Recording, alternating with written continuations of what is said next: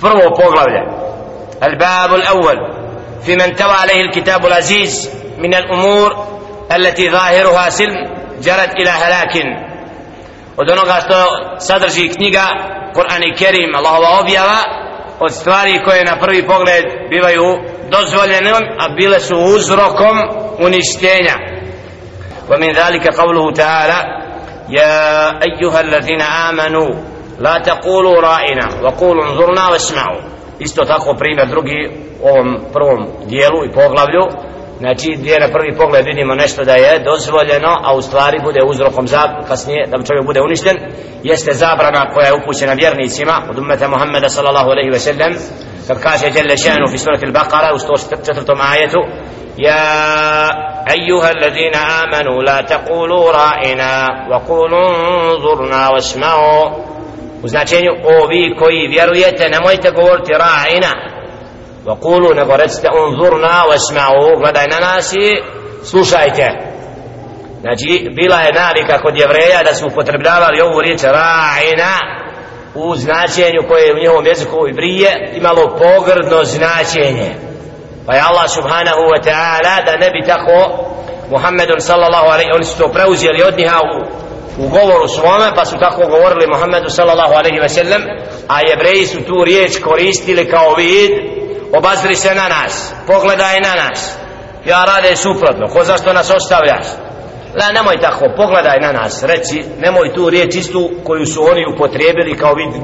Znači, riječ u osnovi bude ispravno nekad rečena, ali pređe u narodu, u, navuk, u naviku da je to ismijavanje.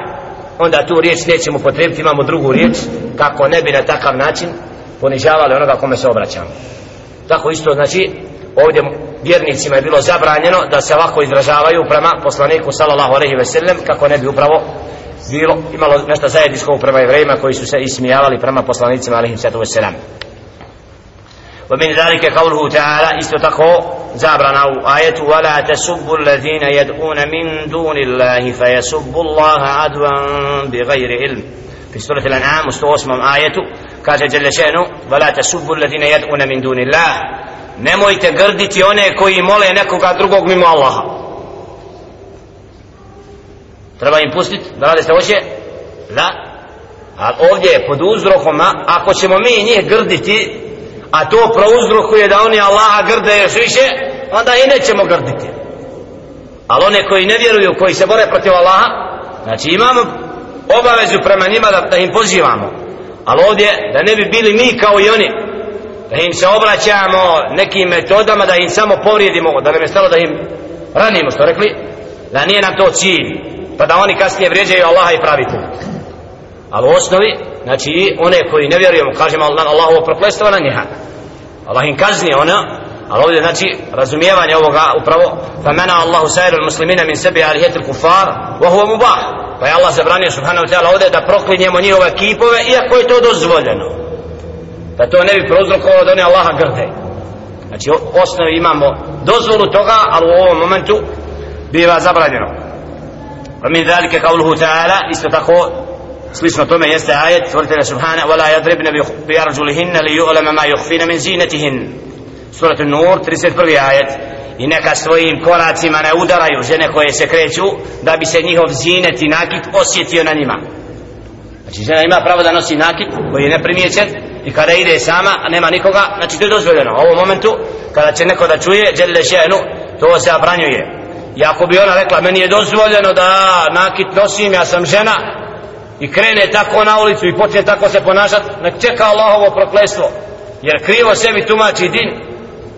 Da je sebi za pravo da je to dozvoljeno u stvari tad nije ومما يدخل في هذا الباب والتحذير من الزيادة في دين الله تعالى والنقصان منه قوله تعالى u ovom kontekstu isto tako ono što da ne bi dodali nešto u dinu i postavili se kako je neispravno jeste isto tako primjer koji Đelešenu navodi وادخلوا الباب سجدا وقولوا هتة نغفر لكم خطاياكم ما سنزيد المحسنين kada je bilo rekao da uđu u naselje ponizno predaji kao, znači suđeda da panu Allahu na seždu kako bi na takav način vakulu hittatun i da kažu riječ hitta.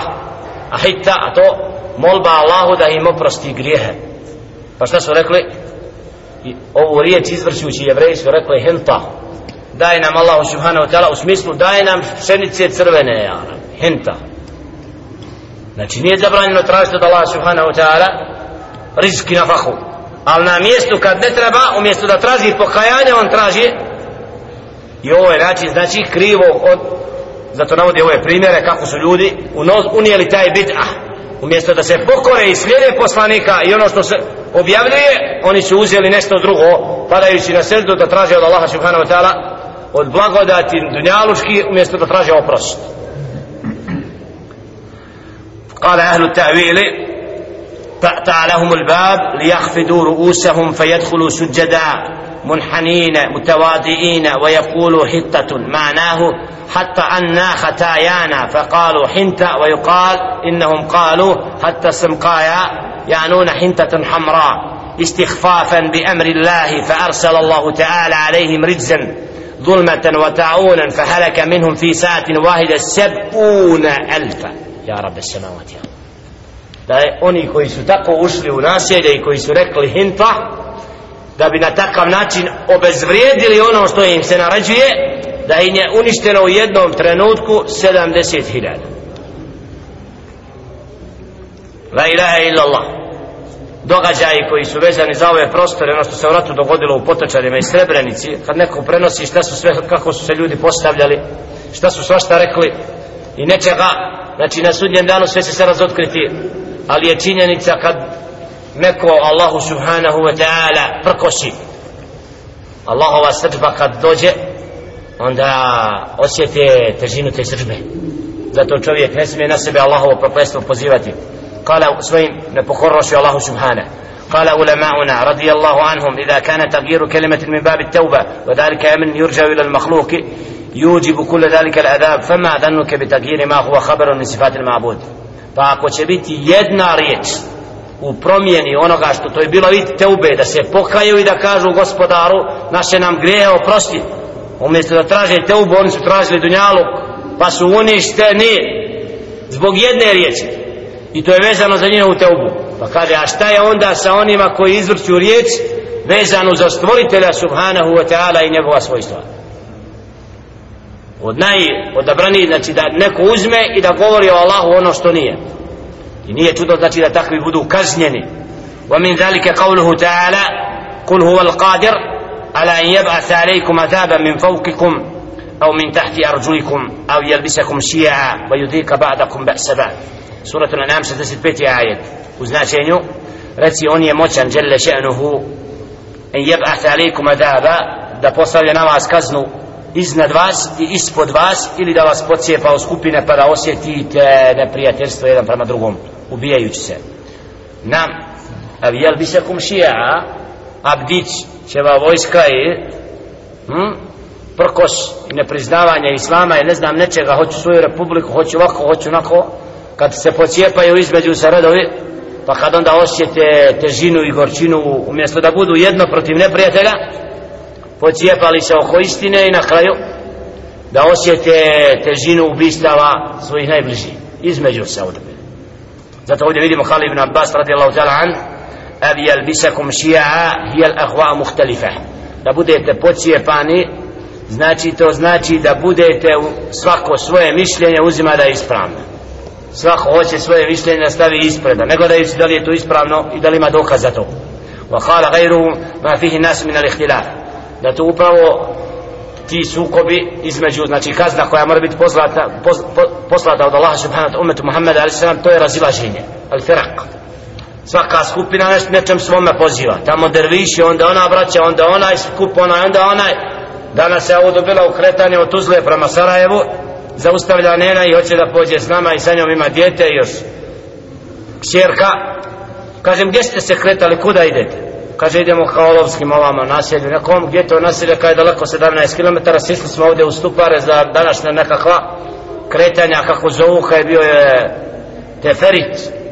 Povodom čeka kada je povodom aleđona ko biće srpske praznike i vi veličate. E, okupljaju se narod pod imenom muslimani ne na 70 godina. Posti klanja izašla misli da je to skup pa kada to je srpski praznik. Prvi maj Alđun, ovako onako ceremonije okupljanja naroda, povodom čega? sve povodom novotarija koje su često širkom gdje se veliča sveti ovaj, sveti onaj, ovako vjer i to mnogi bosanci znaju bolje nego kad?